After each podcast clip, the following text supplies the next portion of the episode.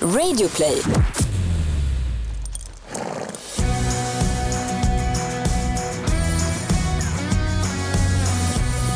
Välkommen till podcasten Ridklubben. Hej Rebecka. Hej Gry. Ridklubben, jag tycker det är ett gulligt namn på en hästpodd. För vem vill inte vara med i en klubb? Jo men alla vill vara med i en klubb. Och den här klubben behöver man inte vara med i även fast man inte kanske vill tävla. Annars är man oftast med i en klubb när man tävlar kanske eller så. Den här får alla vara med i. Verkligen. Och vi har också en, en, eh, ett Instagramkonto som vi tycker att ni ska haka på. Den heter Ridklubben-podden. Ja, Där lägger vi upp lite bilder och man kan ställa lite frågor och man kan kontakta oss ganska lätt. Vi får lite frågor från några, några av våra lyssnare. Det är jättekul att ni har hittat hit och att ni hör av er. Jag tycker att det är jätte, jätteroligt. ja och vi har fått massa tips på gäster de tycker vi ska bjuda in. Och det är ju också extra kul. Mm. Så får man lite tips på och lite tips om man ska fråga och så här. Så det tycker jag är jätteroligt. Ja, faktiskt. Ehm, idag så ska vi prata med Anna Hassö. Ehm, och det är ju nästan omöjligt att prata ridning med henne och inte fråga om hennes eh, olyckor. Nej, hon har ju varit med om de värsta sakerna om du frågar mig. Ja. Och ändå så är hon tillbaka och hopptävlar och rider fälttävlan. Och... Och så känns hon, hon känns väldigt, du känner henne ganska väl, jag gör ju inte det. Men hon, hon känns som att, väldigt mycket som en sån som går sin egen väg. Verkligen. Gud ja, hon är supercool. Hon och min mamma är ju vänner egentligen från grundavbrotten så jag har träffat henne lite under hela min uppväxt. Men eftersom att hon bor i Skåne och jag bor i Stockholm så har vi inte tränat för henne så supermycket utan det är mest när hon har kommit upp hit. Är hon sträng, ska vara rädd? Eh, nej det skulle absolut inte vara. Anna är världens snällaste. Okej. Men hon är väldigt liksom, hon säger vad hon tycker och det tycker jag är härligt och hon, ja, men som du säger, går sin egen väg. En rak Hon är en rak person. person. Ja. bra. Anna Hassö gästar ridklubben idag. Och precis som förut, vi vill bara säga också att vi är sponsrade av Scanbio eh, stallpellets. Du, alltså spånpellets, när man alltså köper spånet i pelletsform Exakt. eh, som man blöter upp och lägger in i boxen. Och du har ju lite knep för det här. Ja, men jag älskar ju spånpelletsen. Dels för att man kan anpassa den lite efter hästen, för alla hästar är inte likadana. Som Neo, din häst som jag har i mitt stall, han älskar ju att leka med sin vattenkopp så det blir liksom en pöl Alltså, på är golvet. som geggpelle. Ja, men alltså det är som en vattenpöl på golvet under den där. Vet du vad jag tror att han gör? Nej, jag tror att han tar hö, doppar det som chips och dipp. Han doppar det liksom i vatten och sen slurpar han i sig höet. Det är för allt är riktigt. kaos i, i hinken. Precis, och allt är hörrester så att han är ju busted så att säga. Nej, men då är det bra, då brukar jag hälla en torr sån här spånpellets eh, eh, påse under hans vattenkopp. För då liksom blöter han upp den själv så att den blir perfekt. Då strör jag ut den i boxen och så fyller jag på med en ny. Och min andra häst som är lite torr i boxen, alltså det blir rätt dammigt. Det här är perfekt för det är lite extra mycket vatten och sen kan jag gå och föna på att säga, men jag har en vattenhink där det är massa, du vet, så att det inte kommer som en klump utan ja, man sprutar ut lite vatten så att det håller en, ja, men det blir ett jättebra stallklimat tycker jag. För spånpellets funkar så att man köper det i pelletsform och så skär man upp påsen, häller i vatten och så vi pratade om förut att det är poff som popcorn. Exakt. så har man massa spån. Men då behöver man inte blöta lika mycket åt alla hästar utan man kan anpassa lite grann Ja efter hästarna. Det är väldigt smidigt och väldigt härlig produkt att ha att göra med. Och eh, Scanbios pellets är ju då kutterspån som gjorde från svensk skog. Eh, mest gran faktiskt. Tack snälla för att ni är med och sponsrar ridklubben. Gå gärna in på Scanbios hemsida, scanbio.com. Gjort. Då kör vi igång då. Fotlederna höll inte för allsvensk fotboll. I volleyboll gick axlarna ur led men ingenting har stoppat henne från fälttävlan. Inte ens en bruten rygg tre gånger. Varmt välkommen till ridklubben, Anna Hassö. Mm, tack så mycket. Jag tänker in nu så inledningsvis, kan du beskriva för mig känslan av en perfekt fältritt?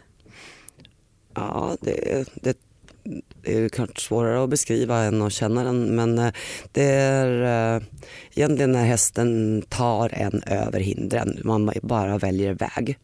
Så att man har en sån rutinerad häst så den vet exakt hur den ska hantera. Man får givetvis eh, balansera upp så att det blir rätt typ av galopp mot alla hinder men det ska kännas som att hästen gör jobbet om man bara följer med. Att du bara åker på, sitter Ja, där som en liten fluga på Det är ryggen? Precis, man, är, är, man, är, man flyter med liksom, kan man säga. För jag kan ju tänka mig, alltså jag, har ju känt, alltså jag vet ju hur det känns när man känner att det går riktigt bra när man rider dressyr, när man känner att nu funkade det. Mm. Och jag kan också förstå hoppning, men fälttävlan har jag aldrig hållit på med. Så jag tänker att det måste vara någonting helt fantastiskt Ja. när det bara stämmer.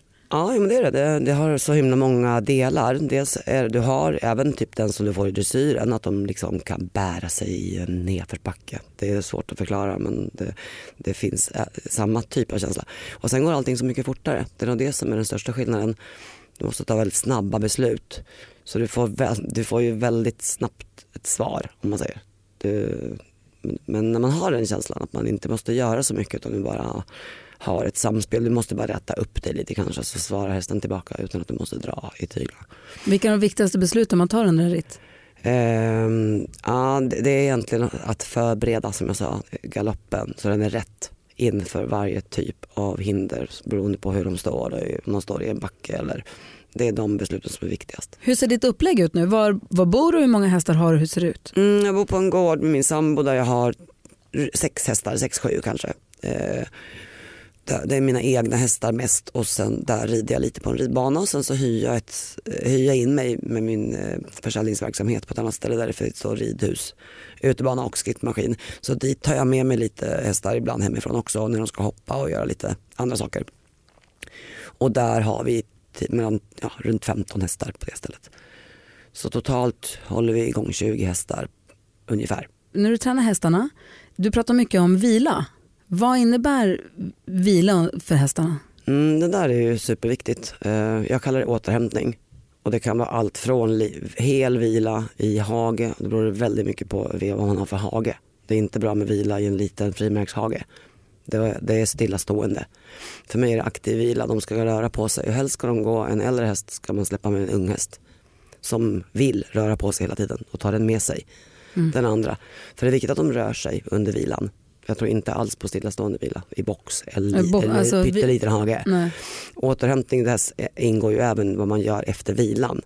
Om de vilar någon dag eller flera dagar så ska man ju också sätta igång dem lite lugnt, skritt, trav, alltså kanske lite utan ryttare. Jag rider ofta med handhäst. Ja, men jag har läst breda. det. Du pratar mycket med handhästar. Vad är det som Mm. är det fina med det då? Flera olika saker. De yngre hästarna, till och med de som är två och tre när vi rider in dem har vi ofta med bredvid en gammal häst. Den blir van att se en ryttare där uppe. Den blir van vid miljö runt omkring.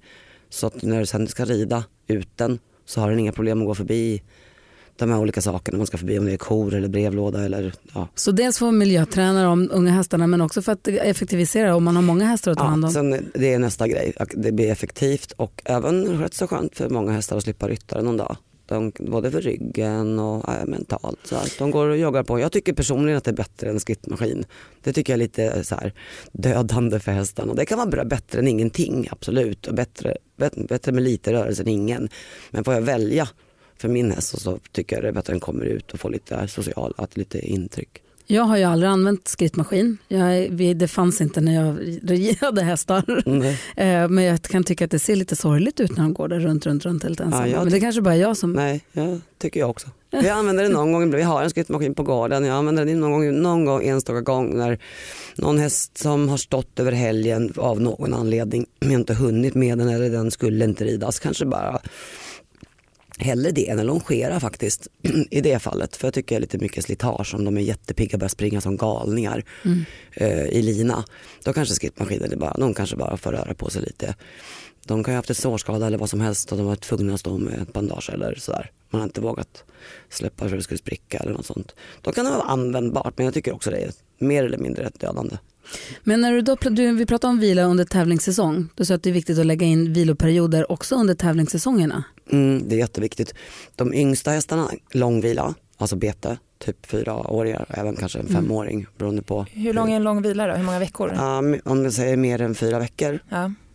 då tycker jag att en fyraåring absolut ska ha Mm. fem, sex veckor på bete, minst.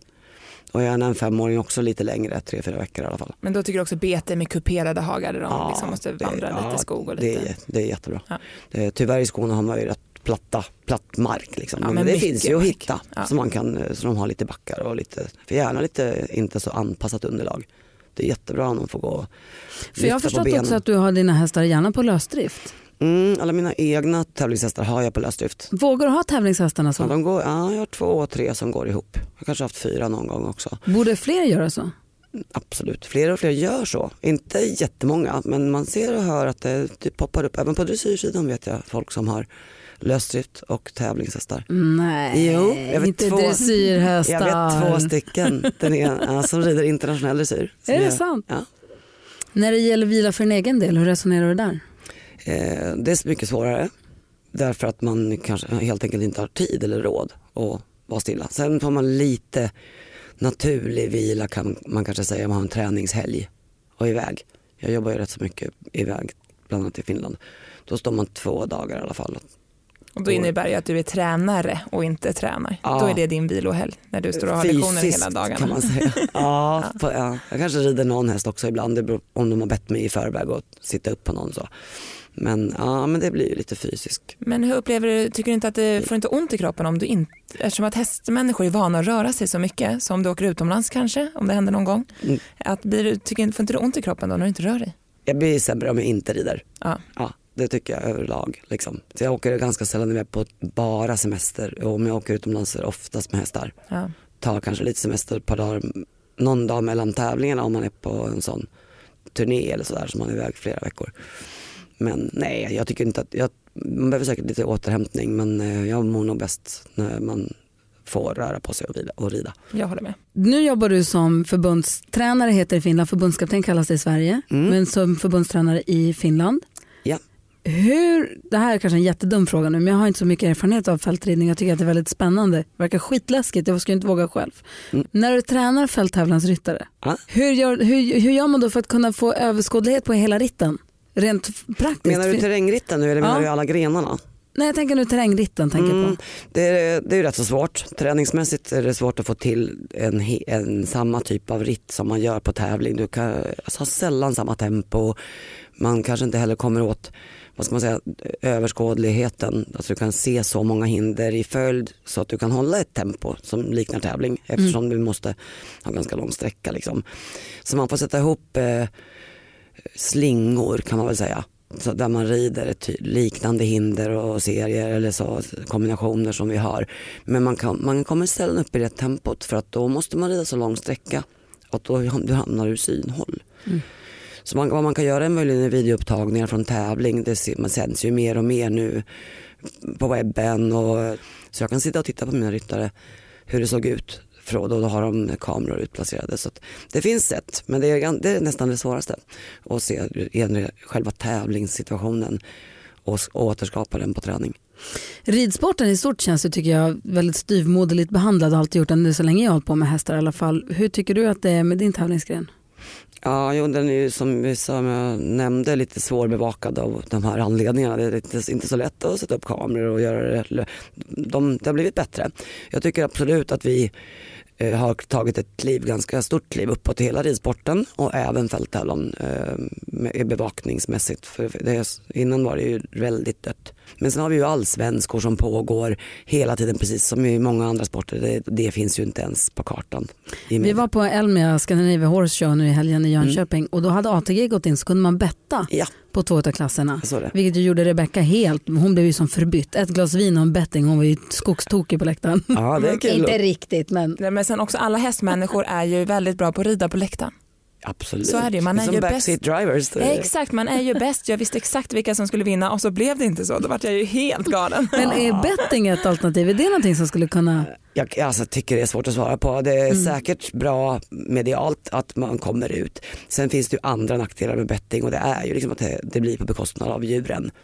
Om man tittar på, om man ska vara helt krass på att titta på trav och galopp så tävlas ju hästarna i väldigt tidig ålder och väldigt hårt. Mm. Jämfört med vad- en häst egentligen tål. Nu får jag kanske stryka av någon galoppmänniska men så är det. De är ju inte färdigvuxna i den åldern. Så risken är ju med betting att man kommer, att det tar lite, alltså man kanske går lite fortare fram eller Pressas lite för pressar mycket. lite hårdare. Det, det tror jag. Hur gör du för att bygga upp dina hästar och hålla dem friska? Eh, ja, det, är- intressant. Eh, Dels tror jag uppväxten eller uppföd, hur man föder upp dem de första två åren, tre åren. Och vad fokuserar du på då? Mycket utevistelse, kuperade marker, helst, alltså helst oändliga. Liksom. Irland är ju fantastiskt. Jag har flyttat en delar av min avel dit. För just för att de ska få den uppväxten. Om man tänker en vanlig svenne som jag, en vanlig hästägare som har hästen på ridskola med ganska små hagar. Mm. Man inte har Irland att tillgå. Nej, det, det är dåligt kan jag säga. Det är det ju. Det är en väldigt dålig trend för hästarna att vi har alldeles för lite mark till gårdar överhuvudtaget och, och ju närmare stan man kommer desto mindre mark. Så kan man nog konstat, kon, eller sammanfatta det. Tips att ge där är ju att man de- dels vågar släppa ihop hästar då kommer man ju oftare åt större hagar än man måste ha sin häst ensam. Det, som stallägare blir det svårt att släppa en häst i en stor hage. Och så jag tror all, alldeles för många är alldeles för rädda att släppa ihop hästar. Och det är klart att det blir mycket skador om man släpper dem i pyttesmå hagar ihop. Mm. Så de behöver ju större hagar. Så helst kuperad mark, stora hagar och gå med någon kompis. Ja. Och utöver det då? Eh, sen är det träningen, det tar lång tid, man måste ta lång tid på sig, bygga upp på lång sikt och varierat arbete oavsett vad hästen ska göra. Jag tror inte att någon häst oavsett gren kan gå på samma underlag varje dag. Det, det är så, så enkelt där. För man vill ju, det, är ju, det är de där skadorna hela tiden som Mm. folk fightas med. Och det är de, vi är ju vi Ja. som åsamkar hästarna skador. Alltså vi, vårt jobb är ju egentligen att bygga upp hästen fysiskt så den tål det vi vill begära av den. Ja men precis. Och hur, när du säger varierat arbete, hur många dagar i veckan kan en häst gå i ridhuset eller på ridbanan? Ja, men, eller? ja, men så här, jag, jag har ett varannan dagsystem, mina går ut och in varannan dag på olika underlag. Men om man ska vara praktisk också så ska fungera i praktiken så om vi säger minst två dagar ut. Ja. Och det jag. känns ju som att det måste man ju verkligen kunna få till. Ja, Om det det inte är inte alla. isgata ute. Det är den enda gången jag kan känna jag att det broddar och rider på isgata också. Ja. Men det är för att jag tycker att jag måste. För Ja, våran sport funkar liksom inte. Men det är klart man ser, man, kan anpassa lite efter väder. Ser man tisdag och torsdag ska det vara katastrof. Då kan man ju försöka lägga det jobbet någon annan dag. Ja, men. Men det får inte bli så att det går tre veckor i rad med utebliven Exakt. variation. Men är det samma för unghästar där tycker du som för de äldre hästarna eller kan du tycka att unghästarna är bra att träna inne i två dagar så att man lite befäster det och sen rider du ut i två, tre dagar eller hur tänker du då? Givetvis kan man behöva jobba igenom en grej och göra det flera dagar på, på en bana. Men då tror jag också att man måste inte bara, eh, om jag gör två dagars eh, jobb, dressyrjobb eller jobb på banan, jag kan väl skritta fram ute eller skritta av ute eller gå ett varv runt fältet. Eller, så att det behöver inte bara bli innanför fyra staket eller väggar, även om jag har en grej att jobba igenom. Men jag tror att visst måste man göra så. Om jag är lite rädd för min häst och inte vågar rida ut på den, vad, finns det något alternativ för mig då? Mm, det tror jag är det största problemet nästan, eller ett av dem. Att folk vågar inte riktigt och så kanske hästen inte vill gå när den är själv. Man måste ta hjälp, rida ut med någon annan Liksom be- eller be någon annan rida ut, rida ut på den tills den är lite bättre att rida ut. Så att man eh, inte skippar det där eh, av den anledningen. Men jag tror att svenskar överhuvudtaget är ganska dåliga på att be om hjälp faktiskt. Man åker till tränare och så. Men att sätta upp någon annan på sin häst kan vara ett stort steg för, för många tror Ja, men precis. Och där brukar jag tänka, för att vi har ju med underlag i ridhuset som vi vill att man ska mocka hela tiden, gärna Mm. så fort det ja, går. Och då brukar jag tänka så här, men gå ett varv med din häst och mocka lite innan du sitter upp och så gör man det när man sitter av. Så kan man hjälpas åt så behöver man inte sitta av varje gång. Och där tänker jag, där måste man också kunna gå ut och gå med sin häst. Precis. Du kan ju bara leda den runt stallet eller gården eller i skogen en sväng innan du Mm, sitter det är upp. ju absolut bättre än att inte komma ut. Nej, men det för då umgås man ju lite med hästen Ja. också. Sen är det ju klart att det krävs ett, ett visst ledarskap att leda en häst Mm. också förbi läskiga saker och så. Men vissa känner sig ju tryggare bredvid. Jag sitter ju mycket hellre på Ja, själv. jag med. Vi får välja. Men alltså det som du säger med att, be om, att folk är dåliga på att be om hjälp. Rebecka är ju inget vidare på att be om hjälp när det gäller någonting egentligen. Nej, jag vet, jag måste verkligen, du vet. Och så är jag lite envis, du vet, när man ska kunna själv. Precis, jag tror att det, det sitter ro, ganska djupt rotat hos många. Men jag tror det är dumt. Jag tror man, vi är faktiskt så när vi jobbar ihop hemma, man är lite, alla är lite proffs på lite olika saker. Tar gärna hjälp av någon annan om jag skulle behöva. Men du är också ganska envis Vanna. Ja, det kan man nog säga. Jag är också skitdålig på att ge mig hjälp. Ett poddtips från Podplay. I fallen jag aldrig glömmer djupdyker Hasse Aro i arbetet bakom några av Sveriges mest uppseendeväckande brottsutredningar. Går vi in med hemlig telefonavlyssning och, och då upplever vi att vi får en total förändring av hans beteende. Vad är det som händer nu? Vem är det som läcker? Och så säger han att jag är kriminell, jag har varit kriminell i hela mitt liv men att mörda ett barn, där går min gräns. Nya säsongen av Fallen jag aldrig glömmer på Podplay.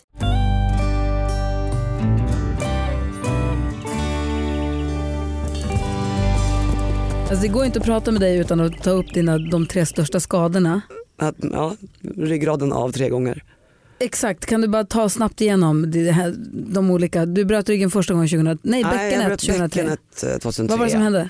Eh, hästen välte och sidled över, in, ner i vattenhindret kan man säga. Hästen klarade sig utan en skråma men du Ja. krossade bäckenet. Ja, han landade på mig. Och, sen, och nästa stora skada efter det? Alltså, mm, eh, fick jag samma häst över mig igen fast ba- välte vi baklänges eh, tre år senare, 2006. Och då bröt du? Ryggraden av. Och alltså sen, riktigt av så här ur led. Luk, ja, luxationsfraktur heter det för de som förstår det. Så var du vaken när det här skedde Ja, eller svim, Det- liksom Nej, jag var vaken hela tiden. Och du kände exakt vad som hade hänt eller? Mm, ja. Du försökte inte resa Ja. dig och gå därifrån och Nej det gick inte. Nej. Man säga. Nej. Vadå, berätta, hur kändes det? Nej men jag kände att, jag, att det var väldigt stilla liksom på något sätt. Det är nog lite svårt att förklara kanske. Och så, det kändes nästan som man låg, eh, vad ska man säga, som att man hade en, blev en båge. Om så att svanken blev för stor kan man säga. Det gick ju av liksom så. Men Hur hade en, rädd är du då?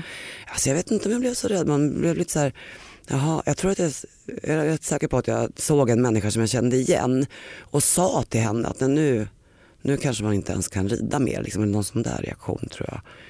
Det var det första tanken. Liksom. Och sen när du kommer in till sjukhuset och de säger till dig, så här är Anna, din rygg är av. Eh, Ja, de kunde inte riktigt, för hela första veckan kunde man faktiskt inte riktigt avgöra om jag skulle kunna gå igen. Mm. Det var lite tveksamt. Men, det, Men hur mådde du då? ja, jag hade två personer som fick komma och hälsa på. Jag, hade, nog- jag bestämde mig nog redan direkt liksom, för att jag hade får jag väl rida dressyr. ja, så var det. Det är Sen det efter- värsta som kan hända i ditt liv, det är att du aldrig mer kan rida. Jag tror det. Men och sen så gjorde du illa dig nu igen i våras. Ja, I somras jag flög av, i, faktiskt inte i terrängen utan på banhoppningshästen snubblade och landade mitt på skallen och fick en fraktur på en nackkota, eller på utskottet till en nackkota. Och när började du rida igen? Två veckor sedan. Apropå att vara envis, det finns ingenting i det som känner att så här, vänta, det är någon som försöker säga någonting här, att det här ska inte du riktigt... Nej, jag, tror, jag är tvärtom. Jag tycker att på alla hundratusen uppsittningar man gör så, eh, och vi, man har ridit in jättemycket unghästar och sysslar med hoppning i olika, av olika former tycker jag egentligen är konstigt att man inte skadar sig mer, alltså överlag. Inte jag kanske men alltså, jag tycker ändå att man klarar extremt många situationer utan att det händer någonting. Det Så håller jag faktiskt med alltså, om. det är otur tycker jag på hur, vad jag har fått för typ av frakturer. Kunde ju få bryta, jag brukar säga, skoja lite, man kan- ju bryta ett finger i alla fall. inte något på insidan varje gång. Liksom. Nej, men varför, varför jag undrar hur du kände när du var på sjukhuset. Jag ramlade av en häst eh, för, nu är det tio år sedan, hoppade ett litet kryss, så 8 volt, inget, inget Mm. avancerat överhuvudtaget. Och så precis i landningen så svängde det lite kvickt och jag var inte alls med för jag hade ganska nyss fått barn. Mm. Flög av i backen och slog mig i bäckenbenet och i, här, fick en whiplash i nacken. Mm. Och sen så var jag hoppade upp igen till sist när jag kunde. Och sen så på kvällen så var det lite frusen ont i huvudet alltså. Så vi åker in och de röntgar mig och säger då att jag har fått en fraktur i nacken. Mm. Vilket sen visade sig inte stämma utan det var någon skugga på röntgenplåten. Nej, det är tydligen inte helt enkelt att Nej, för de läsa gjorde- de där bilderna heller. Nej, för de gjorde då den andra, de gjorde om det var först magnet och sen skikt eller om det Mm. var tvärtom, jag vet inte. Men de två, tre timmar eller hur många timmar det nu var på sjukhuset när jag ligger där med den här nackkragen Mm. Och får beskedet att jag bryter nacken, för mig är det, det kommer vara med mig resten av mitt liv.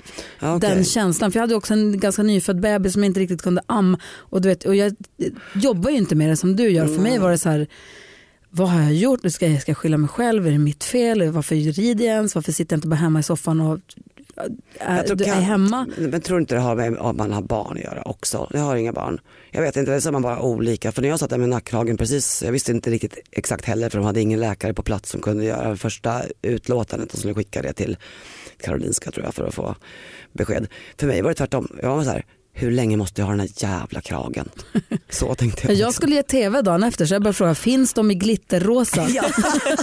jag hade direktsändning nästa dag, går de få vilken Ja, färg du ser, finns du de i? tänker ju egentligen likadant. Jag tror att det är barnet som gör skillnaden. Ja, kanske. Att du liksom har ett ansvar från någon annan. också. Jag har i och för sig massa ansvar för hästar men det är, jag tror det är skillnad. Mm. Jag tror också, jag, jag märker skillnad när jag, jag fick barn också för två och ett halvt år sedan. Och innan dess så var det ju också, det en, min enda tanke när man gjorde sig illa det var när kan jag rida igen? Nu när axeln Precis. hoppat och leder och gjort när jag ramlat av, då är det ju då tänker jag första jag tänker på Oliver, mitt barn. Att, så här, Det säger att jag måste vara har hans mamma. Hans Mm. mamma måste jag alltid vara. Hästarna kan jag ju liksom ta hand om eller får jag anpassa mig efter. Mm. Men att vara mamma kan man ju inte anpassa utan det är man ju. Nej, jag tror faktiskt det är stor skillnad där. För det som är, måste väl vara det sämsta som kan hända är väl om man ska tävla och rida på den nivån som du gör också, att man blir det minsta defensiv eller börjar tänka, alltså försiktigt Mm, ja, ska man tänka Nej, förstås. det- det Men man måste ju vara framåt och Ja. över och förbi hela tiden. Ja. Börjar man det minsta, för det känner jag, det har jag fått jobba med lite grann när jag rider själv. Jag blev ju mesig som tusan. Nu är jag tillbaka och rider och har börjat hoppa lite grann igen. Men det har ju tagit tio år. Mm.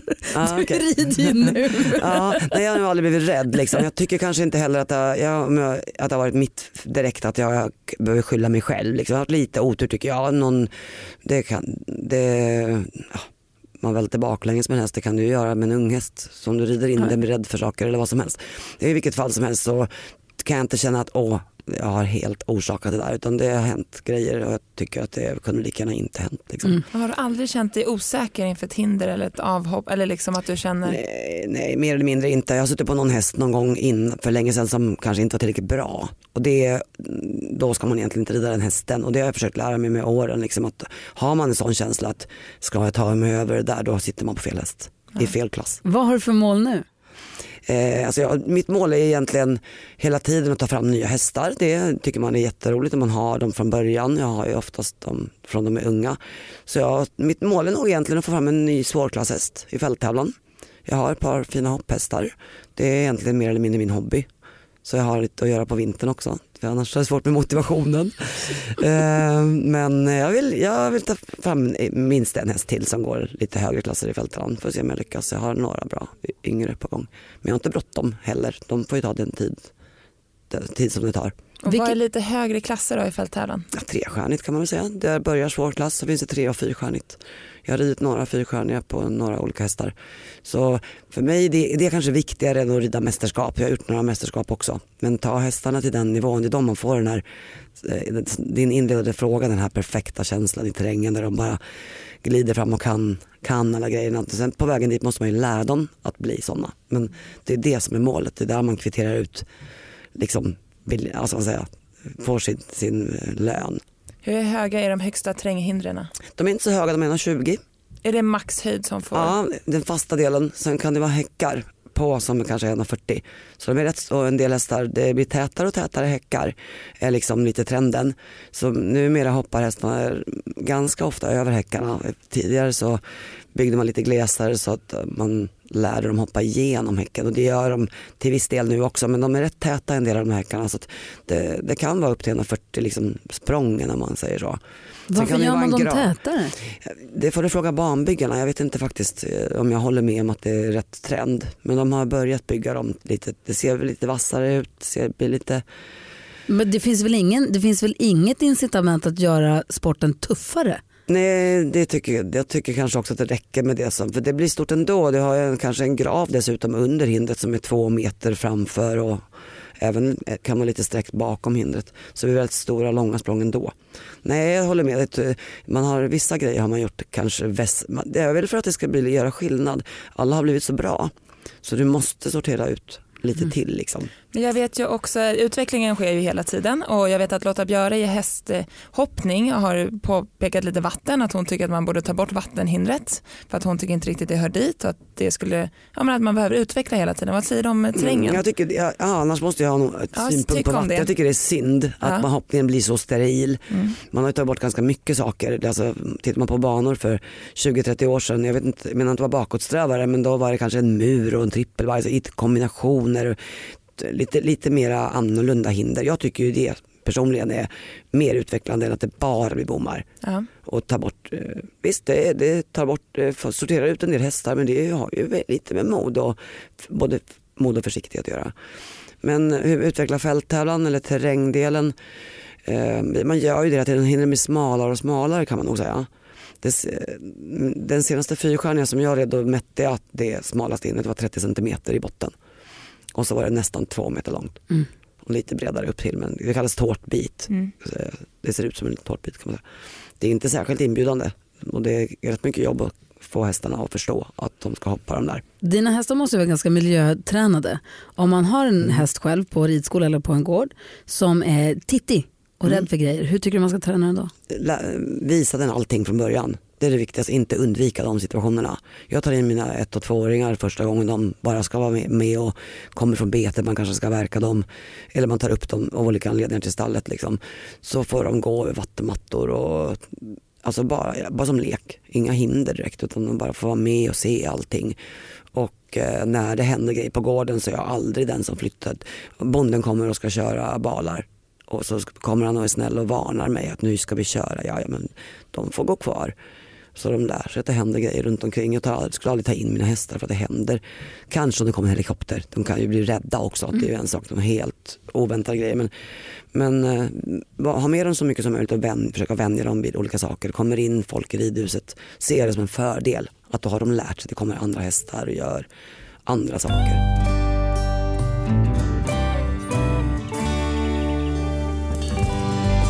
Vilket är ditt bästa stalltips?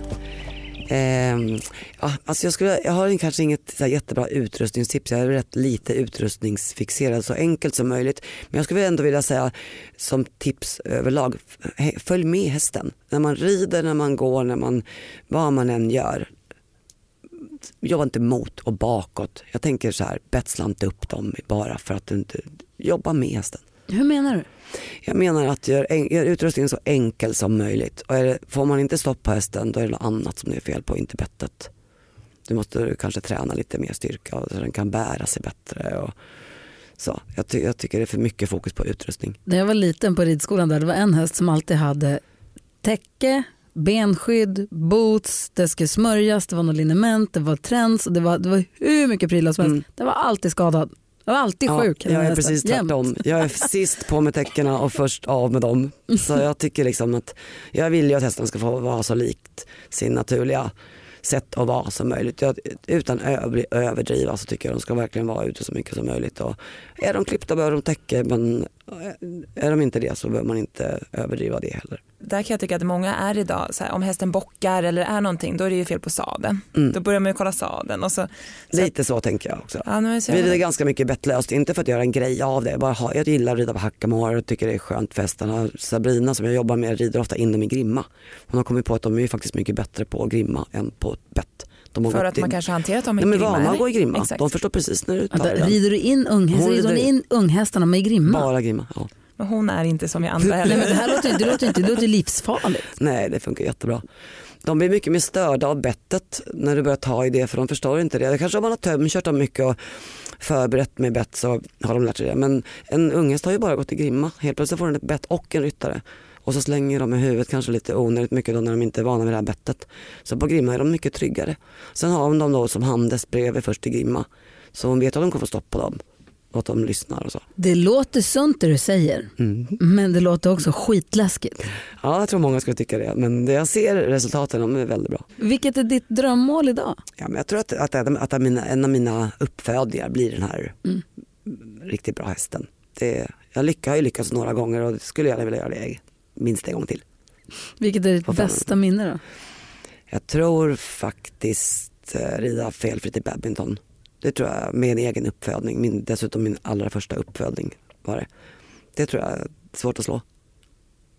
Vilken härlig känsla. Mm. Badminton är väl också en av världens svåraste banor? Jag tror att man, all, jag tror att man typ alltid har räknat den som den svåraste. Sen tror jag nu de senaste åren kan någon annan bana ha något år varit minst lika svår eller så. Men det, det, är, en, det är nog lite... För de som inte har talat om den ja, så Jag tror att man kan säga att det, i alla fall, ja. att det är absolut en av de svåraste om inte den svåraste. Kan du beskriva banan?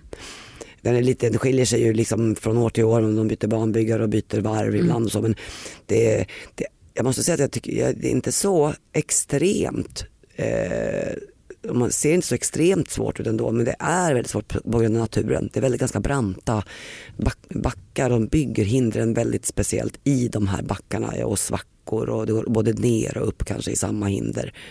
Så att Eh, eh på tv ser det, det kan flytta på, på ett bra år kan man säga så kan banan se ganska hyfsat lättriden ut och ett annat år så när det är lite sämre underlag eller så kan det se sjukt svårt ut.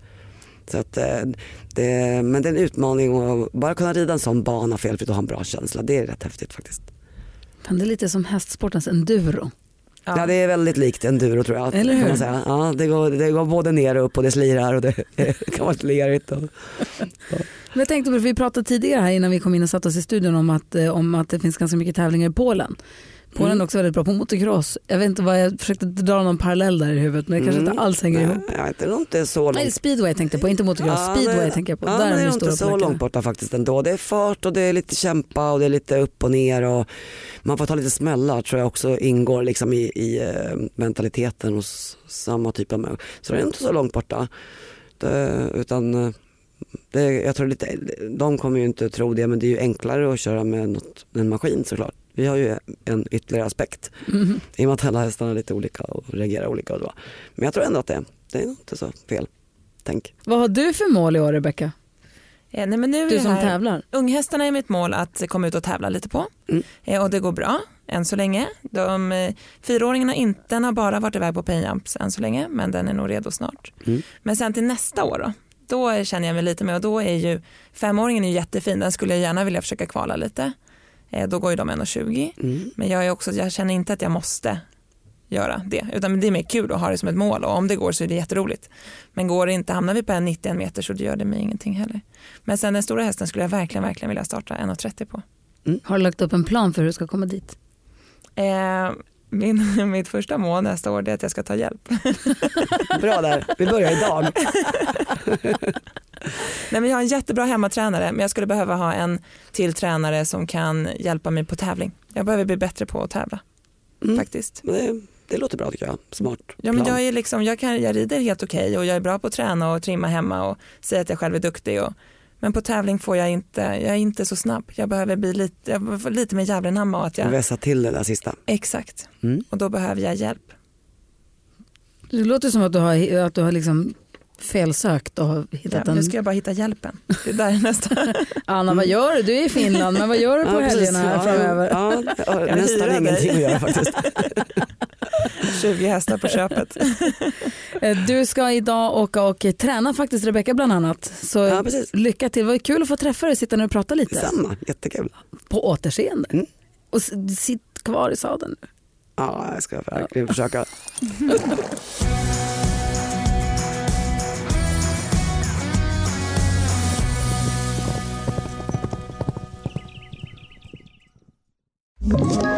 Ett poddtips från Podplay.